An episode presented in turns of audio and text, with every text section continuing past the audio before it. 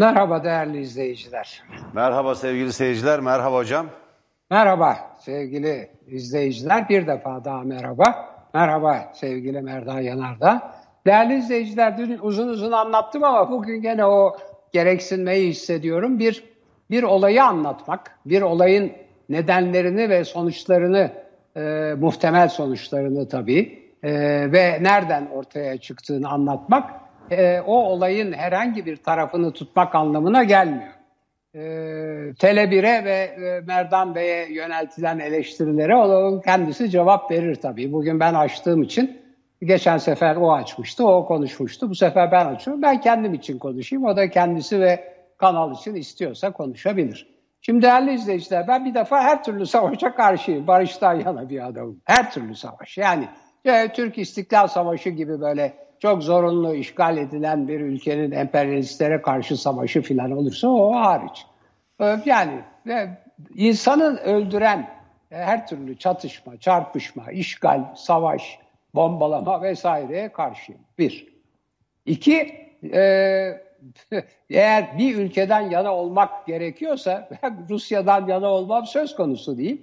E, tarihte Osmanlı İmparatorluğu'yla en çok savaşan ülke yahut Rusya ile en çok savaşan ülke Osmanlı. E, onu yani dört ülkedir biliyorsunuz. İngiltere, Fransa, Almanya, Rusya, Osmanlı'yı böyle yutan ülkeler, parçalayan ülkeler. Yani çok önemli bir şey var. Sovyet Sosyalist Cumhuriyetleri bilgiliği tabii Lenin zamanında Türkiye'nin Kurtuluş Savaşı'na destek vermiştir. Mustafa Kemal Atatürk'e destek vermiştir. Hem silah desteği hem stratejik siyaset desteği hem para desteği e, müthiş bir olaydır. Onu hiç unutmak mümkün değildir ve yani e, Kurtuluş Savaşı'na sonradan, Sovyet desteği olmasaydı o savaşı kazanmak çok zordu.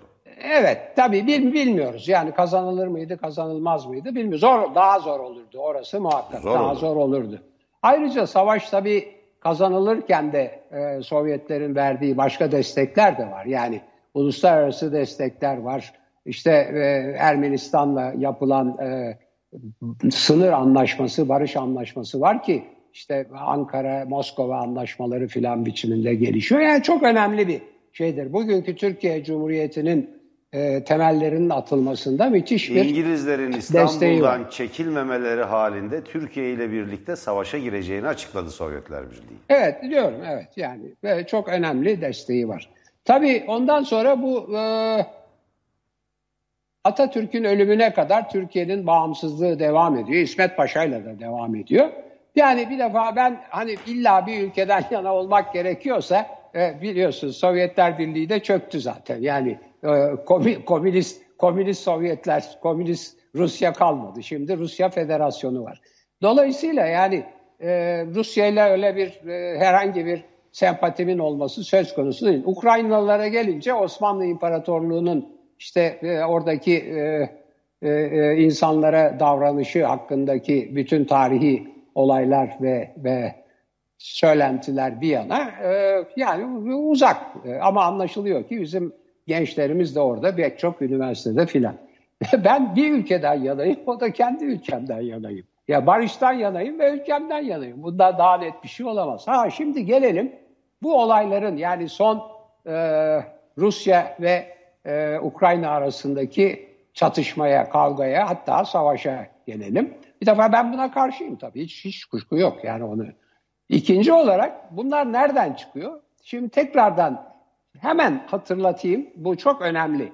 Değerli izleyiciler, bugünkü devletler ve bugünkü sınırlar nereden geliyor? Bakın, önce ailelerden, sürülerden geliyor.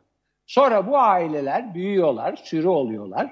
Sonra kabile oluyorlar. Sonra beylik, dükalık oluyorlar, prenslik oluyorlar, krallık oluyorlar, hanedan haline geliyorlar. Osmanlı hanedanı, Habsburg hanedanı veya işte İngiltere'deki ve ardarda arda gelen pek çok hanedan veya Almanya'daki hanedanlar gibi. Hala da mesela İspanya'da kral filan var. Hanedan haline geliyor. Bu ne zaman oluyor? Bu orta çağda oluyor. Sonra ne oluyor? Bunlar, bu hanedanlar güçlerini sürdürebilmek için dine sığınıyorlar ve din işin içine giriyor. Hanedan artı din oluyor, aile artı din. Sonra mezhepler çıkıyor. Sonra endüstri devrimiyle ırk geliyor, milliyet geliyor. Sonra Soğuk Savaş geliyor. Yani Birinci Dünya Savaşı ve İkinci Dünya Savaşı dünyayı biçimlendiriyor. Bugünkü olan olay ikinci Soğuk Savaş dönemidir. Dün onun adını koymaya çalıştım. Birinci Soğuk Savaş Sovyetler Birliği'nin çökertilmesiyle bitti ve Batı'nın Amerika'nın egemenliğiyle yeni bir dünya oluştu derken onun işte öyle olmadığı ortaya çıktı. Şimdi bugün onun sancılarını yaşıyor. Olay bir defa bu. Yani bakın orada dört tane faktör saydım. Aslında iki faktör. Din ve ırk. Mezhep ve milliyeti de koyun. Dört oluyor. Bir de bunun gerisinde aile var. Soy. Şimdi buradan baktığınızda o ülke vardı, bu ülke yoktu filan. Bunların bir anlamı yok. Öyle bakarsanız e, bugünkü Rusya Federasyonu 1990'da kuruldu, 30 yıldır var. Türkiye Cumhuriyeti 100 yıldır var.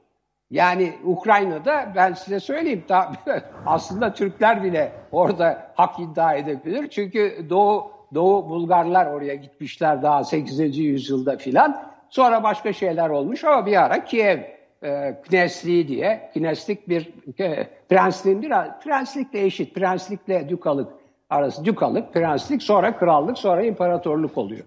9. yüzyıldan itibaren orada bir şeyler var. Ve işte onların aslında hem Rusların hem Belarus'un hem e, Ukrayna'nın ataları olduğu söyleniyor filan. Yani o işte Putin öyle etmiş, Lenin kurmuş, öbürü çıkmış. Türkler de ayrıca ben size söyleyeyim bütün bu Avrupa'daki oluşumların altında nasıl bizdeki oluşumların altında Arap kültürü, e, İslam dini, Orta Asya'dan gelen Türkler, buradaki Roma kalıntıları, Bizans'ta tabii ama bu Roma işte o, filan birleşmiş. Yani Anadolu'da nedir? Yani Orta Asya'dan gelenler, Arabistan'dan gelenler ve Roma'nın kalıntıları. Ya yani hiç ne kadar inkar ederseniz edin kültür oradan oluşuyor. Yani Batı'da da çok ilginç bir biçimde bu ailelerden geliyor. Hepsi de aslında Nordik kökende çok. Yani Normanlar var, Vikingler, Vikingler kurmuş mesela. E, İngiltere'de Saksonlar var mesela. Onlar yandan gelmiş. Evet hocam. Germenler var filan. Ha şimdi dolayısıyla öyle bu vardı, o yoktu. Onun işte ırkı buydu falan. Bunların anlamı yok. Bu bu sınırlar, bu devletler önce Birinci Dünya Savaşı'yla ki onu bozan Türkiye Cumhuriyeti'dir ve Mustafa Kemal Atatürk'tür ve Montreux'de onun devamıdır, Lozan'ın devamıdır. Sonra da İkinci Dünya Savaşı ile kuruldu. İkinci Dünya Savaşı'ndaki soğuk savaş biçimlendirdi dünyayı. Bitince soğuk savaş, işte o zaman emperyalizm, Sovyetler vesaire dengeleri bozulunca sadece e, Yugoslavya 7 ülkeye bölündü. Daha 13-14 ülke e, şeyde Asya'da başka ülkeler filan. Yani bir defa tarihle filan bunları haklı çıkarmak, çıkarmamak filan bunların bir anlamı yok. Bunlar boş tartışmalar. Bir. iki. Şimdi gelelim NATO, Batı ve Sovyetler Birliği. Tabii çünkü Rusya henüz çok fazla bu, bu konuda fazla bir şey yapmış değil. Şimdi Vietnam'ı hatırlatayım. Vietnam'ı hatırlatayım NATO ve Amerika söz konusu olduğunda. Eski dönemde. Güney Amerika'yı bırakıyorum. Yani o, oradaki şeyleri. Ama burada daha burnumuzun dibinde Irak, ondan sonra Libya, felaket, NATO üstelik Libya. Sonra Suriye, ta kilometrelerce, 10, 11 kilometre öteden evet. gelip işgal ediyor filan.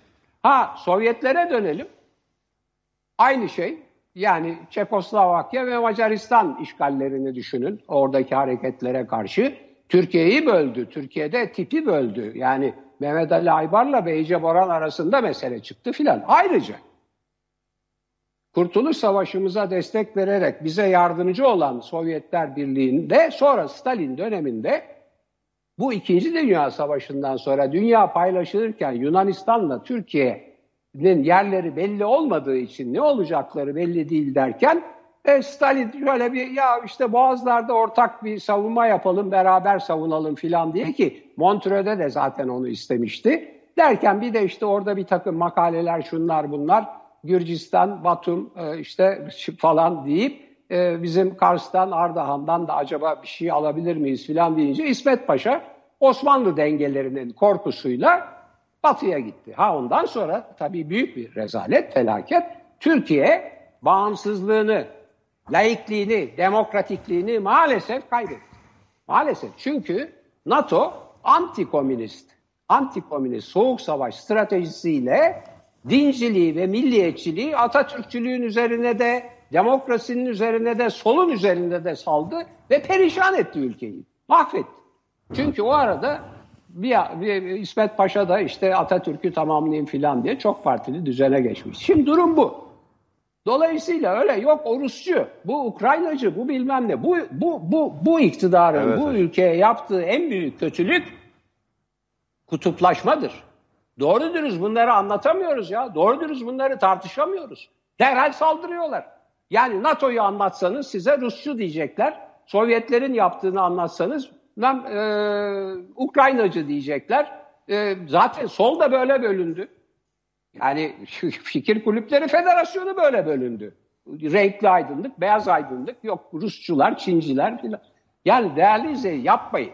Biz burada ben size olayları anlatmaya çalışıyorum. Eğer NATO bu kadar bunu boğazlamasaydı ve kendisi bizzat Batı'nın kimlik politikasını yani dini, ırkı, milliyeti Sovyetleri dağıtmak için bu kadar kullanmasaydı oradakiler de Rus'tur, değildir, bilmem nedir, özellik istiyor meseleleri kullanılamaz. Ya bunları anlatıyoruz. Ondan sonra sonuçları da bilmiyoruz daha. Göreceğiz bakalım. Yani olayları anlatanları suçlamak yani ben bunu kendi adıma söylüyorum. Muhakkak Merdan Bey de bir şeyler herhalde kanal evet, adına hocam. veya kendi evet. adına söyleyecektir. Buyurun efendim. Evet hocam bu kadar vakit ayırmanıza hiç gerek yok gerçekten. Önemi de yok bunların. Şimdi karşımızda yoğunlaşmış bir cehalet var. Yani bilgisizlik ve cehaletle ona buna yaftalamaya kalkanların hiçbir kıymet harbiyesi yok. Ben bunlara cevap vermeye bile değmez görüyorum. Birkaç soru soracağım o kadar. Siz 2014 darbesine karşı mısınız değil misiniz? 2014'te Ukrayna'da bir darbe yapıldı. Yanukovic seçilmiş devlet başkanı. Devrildi, öldürülmek istendi, konvoyuna saldırı yapıldı, onlarca insan öldü. Karşı mısınız değil misiniz? Batı, NATO, Amerika Birleşik Devletleri niye karşı çıkmadı darbeye? Bu darbeyi yapanlar kimler? Banderasçılar. Banderas kim? İkinci Dünya Savaşı'nda ülkesi işgal edildiği halde işgalci Nazilerle işbirliği yapan faşist lider değil mi? Evet. Bakın ülkesini işgal etmiş. 22 milyon Sovyet vatandaşını bunun içinde Ukraynalılar da var. Öldürmüş. Nazilerle işbirliği yapan Banderas darbeden sonra onun doğum günü 1 Ocak 1909'dur. 1 Ocak milli bayram ilan edildi. Peki ne oldu daha sonra? Etnik temizliğe başlandı. 14 bin kişi, aralarında 3 bin çocuk var dün de söyledim. 9 bini sivil öldürüldü. Kimler tarafından? Ruh hastası, neonazi nazi katiller tarafından. Ukraynalı faşistler tarafından. Buna bir itirazınız var mı? NATO soğuk savaş sonrasında gereksizleşmesine rağmen iki kutuplu dünya dağılmasına, Varşova Paktı ortadan kalkmasına rağmen NATO varlığını korudu. 14 yeni üye daha aldı. Buna bir itirazınız var mı? Yok. Şimdi dolayısıyla biz gerçekleri ifade ediyoruz olguları nesnel bir şekilde ortaya koyuyoruz ve bütün bunları görmeden NATO'nun Ukrayna'yı parçaladığını, darbeci olduğunu görmeden ki bir darbecilik deneyi de var anlatacağız. Türkiye'de 12 Eylül darbesi, Şili dar darbesi, e, Arjantin darbesi, Yunanistan albaylar darbesi, Pakistan'da Ziya Hak darbesi, Afganistan işgali, Vietnam işgali, Kamboçya işgali, Mısır, e, Irak işgali, Suriye iç savaşı. Bütün bunlar Amerikan sicilinde. Bütün bunlar Batı'nın sicil, Batı'nın o kirli sicilinin parçaları. Bütün bunları görünce Ukrayna'da bir faşist darbe düzenleyip meşru yönetimi devireceksiniz. etnik temizliğe kalkışıp soykırım suçu işleyeceksiniz. Bakın bugün Rus televizyonları soykırım suçu işleyen neonazilerin fotoğraflarını ve kimliklerini yayınladı ve bunları yakalayıp yargılayacağız dedi. Buna bir itirazınız var mı? Bakın savaş kötüdür biraz önce Emre Bey'in dediği gibi. Savaş bir insanlık suçudur eğer haklı bir nedeni yoksa. Haklı nedenleri nedir? Türkiye Türkiye'de Kuvayi Milliye'nin yaptığı bağımsızlık savaşı. haklı bir savaştır. Nazilerin 2. Dünya Savaşı'nda Sovyetler Birliği'ni işgal etmesine karşı Sovyet halklarının yürüttüğü mücadele haklı bir savaştır. Bakın en büyük kaybı onlar verdiler. 22 milyon 22 milyon vatandaşı hayatını kaybetti. Bunların içinde Türkler var. Bakın herhangi bir Özbek köyüne, bir Kırgızistan köyüne gidin. İkinci Dünya Savaşı'nda ölenlerin mezarlıkları ayrıdır. Bir şehitlik şeklinde düzenlenmiştir. Dolayısıyla bütün bunları bilmeden, bu tarihi bilmeden böyle yaklaşılamaz. Diğer taraftan tabii hocam yani siz haklısınız. Yani ne olursa olsun sonuçta ortada bir ülke var. Tanımışsınız egemen bir ülke var. Fakat bazı ülkeler tarihen köklüdür. İsimleri değişir ama örneğin Türkiye, Türkiye Cumhuriyeti bu topraklardaki bin yıllık devlet geleneğini ve onun sürekliliğini temsil eder. Kültürel kökleri, tarihsel kökleri ve gelenekleri vardır. Ruslar öyledir, Almanlar, Cermenler öyledir, İngilizler öyledir, İtalyanlar öyledir. Ukrayna'nın böyle tartışmalı bir yanı var ama bu hiçbir zaman hiç kimseye bir işgal hakkı tanımaz. Ama gayet tabii. Evet, ama ortada bir işgal mi var yoksa askeri müdahale mi var? Bu çok tartışılır. Bakın bugün Mevlüt Çavuşoğlu Montreux'ün e, Montreux Anlaşması'nın daha doğrusu Türkiye Boğazlar Sözleşmesi'nin bir maddesine atıf yaparak Ukrayna boğazları kapatmamızı istiyor ama bakalım gerçek anlamda bir savaş var mı yok mu dedi. Kaldı ki Montreux'ün e, kimi maddelerine göre e, yine çok net bir biçimde Karadeniz filosuna ait gemiler yani Karadeniz'de kıyısı olan ülkelerin Karadeniz'deki filolarına ait gemilerin giriş hakkı var. Savaş halinde bile giriş hakkı var. Boğazlardan giriş hakkı var. Çıkışları sınırlanıyor o zaman. Başka gemiler giremiyor. Kim giremiyor? Amerikan gemileri giremiyor. Kimler giremiyor? NATO gemileri giremiyor. Mesele bu. Mesele bu. Şimdi diğer taraftan o bakımdan çok uzatmanın gereği yok. Bugün e, yani bilgisizlik ve cehalet yan yana gelince yapacak bir şey yok. Bir de çok kestirmeci bir şey. Yani efendim saldırdılar vesaire hemen mazlumlar. Ortada faşist, nazi bir yönetim var, soykırımcı bir yönetim var. Ve orada Rus köylerin, Rusların yaşadığı köyleri basıp çoluk çocuk öldüren, bakın bugün Kremlin'den yapılan açıklama önemli. Uyuşturucu bağımlılarının ve neonazilerin oyununa gelmeyin diyor. Neden? Yenildiler. Bakın iki günde bitti. Aslında dün 12 saatte bitmişti. Dün akşam saatlerinde fiili bir ateşkes yaşandı. 12, sa 12 saatte Kiev'e geldiler dayandılar. Ama açıklama şey çok önemli. Ruh hastaları yani e, uyuşturucu bağımlıları ve neonazilerin oyununa gelmeyin diyor. Şunu yapıyorlar. Halka silah dağıtıp bakın metrolarda şu anda silah dağıtıp direnin diye sivilleri öne çıkartıp sivil kayıpların sayısını artırmaya çalışıyorlar. Birleşmiş Milletler'in bugün yaptığı açıklamada verdiği kayıp sayısı 125. Bu çapta büyük, yaygın bir savaşta son derece düşük bir sayı. Tek bir insanın hayatı bile kıymetlidir. Hiç kuşku yok. Hiç kuşku yok. Fakat Rusya'nın müdahalede sivil kayıpları alabildiğine düşürmek için bir çaba sarf ettiği görülüyor. Ama diğer taraftan bir bakıyorsunuz bir tank bir aracın üzerinden geçiyor. İçinde insanlar ölüyor. Savaşın bu vahşi yanıdır işte. İnsanlık dışı yanıdır. Dolayısıyla kimse bize barış dersi filan vermeye bakmasın, kalkmasın. Hiçbir şekilde kalkmasın. Başka kapıya gitsinler onlar. Başka kapıya, başka kapıya. Amerikancı, NATO'cu, Amerikan ve NATO uşaklığı yapmanın hiç gereği yok. Bakın NATO'yu gördünüz değil mi? Sap gibi ortada bıraktı Ukrayna'yı. Ortada bıraktı. Dün ama yap yapacağı bir şey evet, yok zaten dün, NATO, dün, NATO hocam işte söylediler ya kışkırttılar ama yapacağı bir şey Hayır, var değil yok. ki değil ki NATO müttefiki değil ki. Evet hocam ama NATO müttefiki değil ama müdahale etmeyin diye baştan büyük yüksek perdeden tehditler savurdular. Ağır işte. bir bedel ödersiniz diye. Ha demek ki demek ki demek ki durum ne? Bu kadar yüksek perdeden şey çünkü e, tehditler savurup ağır bedel ödersiniz diye tehditler savurup sonra yapayalnız bıraktılar. Zelenski'nin dünyaya yaptığı çağrının nedeni o. Niye bizi yalnız bıraktınız diyor. Yapayalnız kaldık biz savaşıyoruz diyor. Yalnız bıraktılar çünkü böyle bir hamleyi beklemiyorlardı. Kışkırttılar. Neonazilerin etnik temizlik yapmasına göz yumdular. Hatta onları ağır silahlarla donattılar. Sürekli silahlarla donattılar. Bugün mahalle aralarına, sivil yerleşim bölgelerine roket atarlar yerleştirerek ve sivillere silah dağıtarak onları direnişe zorlamaya çalışıyorlar. Molotov kokteylleri yapın. Bu zaten yenilginin kabulü. Yani yenildik artık biz gerilla mücadelesi vereceğiz demek. İki günde biten bir savaş, farklı bir savaş, yeni nesil bir savaşla karşı karşıyayız. Bir siber savaş e, yöntemlerinin uygulandığı yeni nesil bir savaşla karşı karşıyayız. Dolayısıyla durum şudur.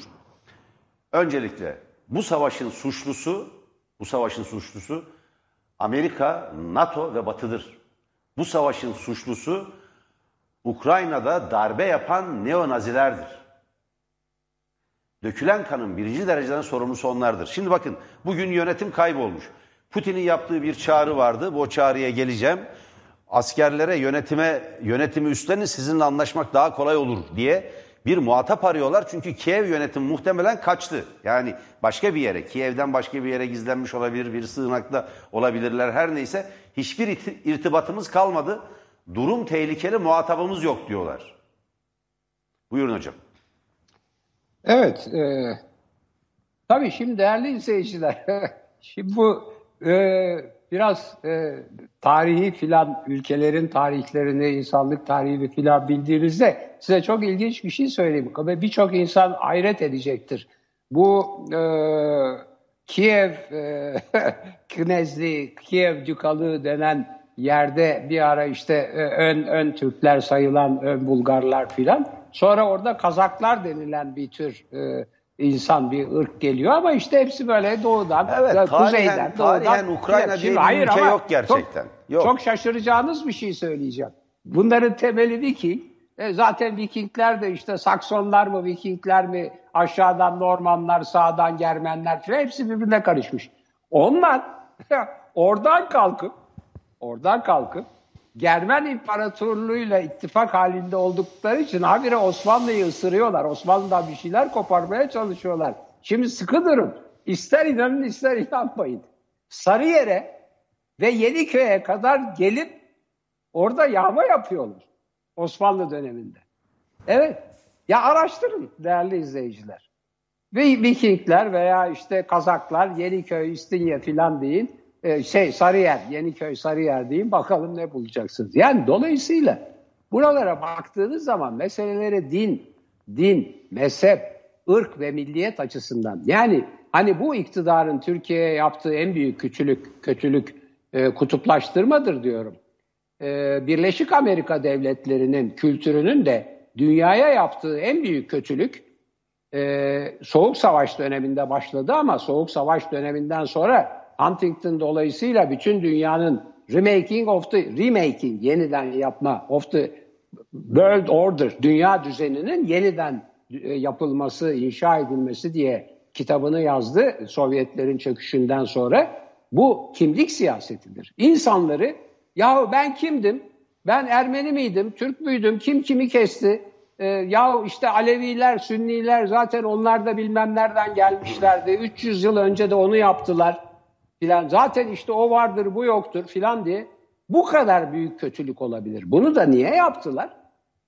Sınıfsal analiz yapılmaması için. Yani sermayenin sermayenin ülkeleri emperyalizmin aracı olarak sömürmesini sömürmesine karşı çıkan bir ideolojiyi emekçilerin yani sol ideoloji, demokrat sol demokrat ideolojiden tutun komünizme kadar gider. Zaten komünizm bir nevi sosyalizmdir filan. Neyse oralara girmeyelim şimdi. Ee, yani o anlayışı yok etmek için gelir adaletine dayalı, üretime katkıya dayalı analizleri ve yorumları yok etmek için kimlik siyasetini empoze ettiler. Bunu görün değerli izleyicilerim. Lütfen bunu görün. Bugünkü benim gülerek ve üzüntüyle tabii yani hafif müstehsi bir biçimde e, alay ederek söylediğim yani o, o, do, o Batı kendi oyununa geldi dediğim olay bu. Ne diyor e, şimdi e, Rusya Federasyonu? Donetsk ve e, Lugansk'ta Ruslar çoğunlukta diyor. Onlar diyor Ukrayna'dan ayrılma kararı verdiler. Özel cumhuriyet kurdular. Beni de çağırdılar diyor. Gel bizde barışı sağla diye.